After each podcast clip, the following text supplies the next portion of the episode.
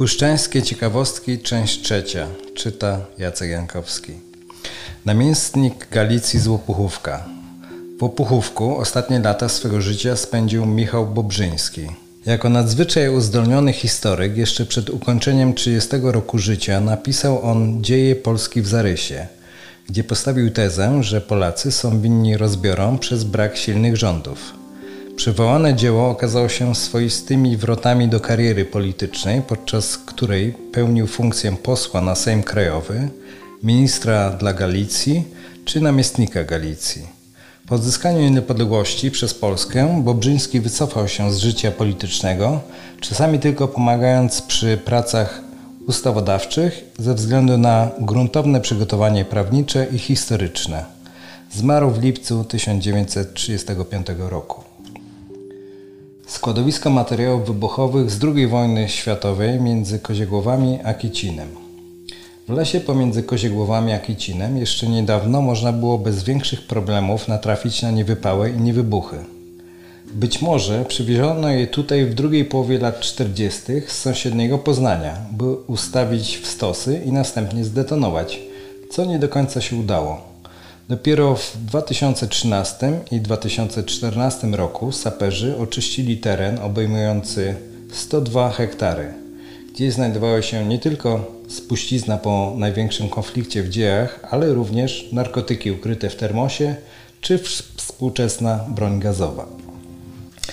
Prastare znalezisko zmurowanej gośliny.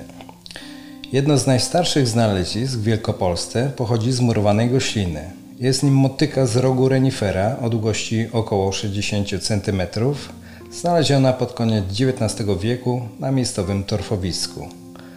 Przedmiot datuje się na około 8000 lat przed naszą erą, więc pochodzi on z końca starszej epoki kamienia. Skąd się w ogóle wzięły w renifery?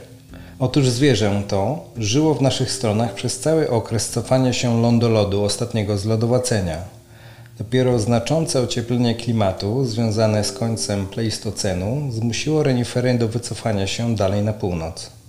Drugim cennym wykopaliskiem z ziemi goślińskiej jest toporek rogowy z okresu neolitu. Rzecz jasna, to nie są jedyne nadzwyczaj ciekawe prastare znaleziska w rejonie Puszczy Zielonki. Przykładowo, około 1917 roku na błotnistych łąkach blisko stawów w Karczewku natrafiono na miecz z epoki brązu.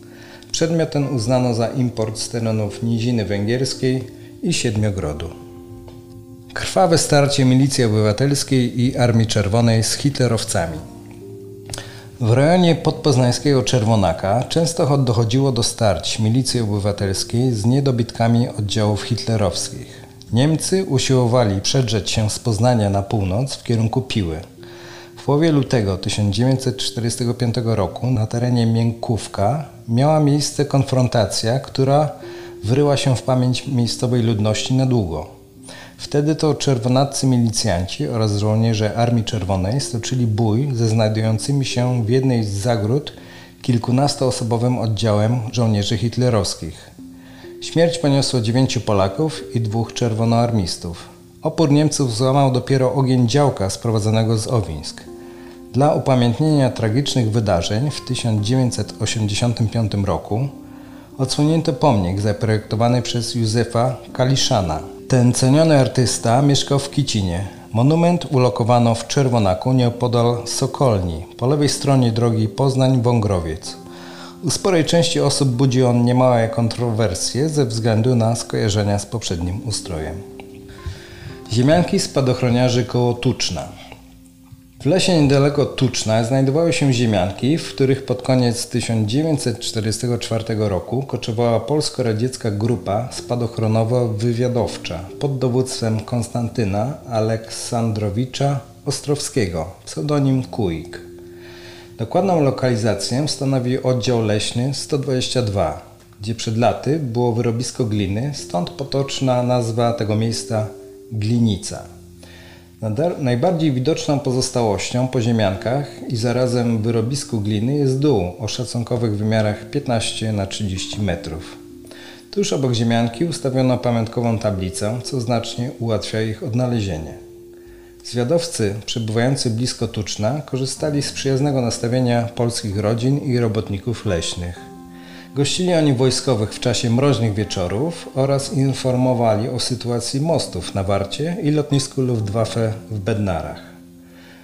Grupa Ostrowskiego przez dość długi pobyt i nawiązywanie rozległych kontaktów została zdekonspirowana w następstwie donosu. Podczas strzelaniny pomiędzy niemiecką żandarmerią a zwiadowcami mającej miejsce w rejonie zabudowań rolnika Wilkosza przy drodze Wrączyn-Tuczno zginął 20-letni Rosjanin Konstantyn Młodcow. Zabitemu zabrano pistolet maszynowy, dwa noże fińskie i chlebak z mapami. Pochowano go na cmentarzu w Pobiedziskach we wspólnym grobie ze zwiadowcą, który poległ w lesie koło Zbierkowa. Hitlerowcy na szczęście nie ujęli pozostałych zwiadowców, którzy skierowali się krótko po tragicznych wydarzeniach w okolice Wieżonki i oczekiwali na zrzut zaopatrzenia. Mieszkańcy wsi Karłowice, Tuczno i Kołatka relacjonowali, że samolot radziecki dokonał zrzutu zaopatrzenia dla zwiadowców na polach między wsiami Karłowice, Pruszewiec i Kołatka. Zaopatrzenie wpadło jednak w ręce Niemców. Przypuszczalnie służba lotnicza z Bednar zauważyła sygnały świetlne i przeszkodziła w jego odbiorze. Od wczesnych godzin porannych w rejonie miejsca dokonania zrzutu i w lasach od Tuczna do Kobylnicy odbywała się obława. Zwiadowcy zbiegli, udając się w kierunku Promna, a następnie Środy Wielkopolskiej oraz Żerkowa. Głęboczek przed wiekami był miastem. Chociaż dziś trudno w to uwierzyć, Głęboczek w XV i XVI wieku był miastem. Najbardziej wzniosłym wydarzeniem w historii rzeczonej miejscowości zdaje się być wystawienie jednego pieszego woja na wyprawę malborską, o czym informuje głaz pamiątkowy usytuowany w centrum wsi. Wzdłuż tutejszego fragmentu Doliny Trojanki znajduje się łącznie 12 stanowisk archeologicznych z okresu późnego średniowiecza i nowożytności. Między innymi pozostałości domniemanej osady przygrodowej oraz grodzisko stożkowe nazywane Pańskim Dworem. Blisko dwóch wymienionych miejsc w trakcie prac polowych wyrywano niegdyś kości ludzkie. Dzięki temu można określić przybliżone położenie rozebranego krótko po 1739 roku kościoła, gdyż kiedyś, tuż przy budynkach sakralnych, lokalizowano cmentarze. Inną ciekawostką historyczną w rejonie Głęboczka jest dom szachulcowy, zapewne z okresu międzywojennego. Staje on przy drodze do Dąbrówki Kościelnej i powoli niszczeje. Pobiedziska w cyklu powieści Jerzycjada.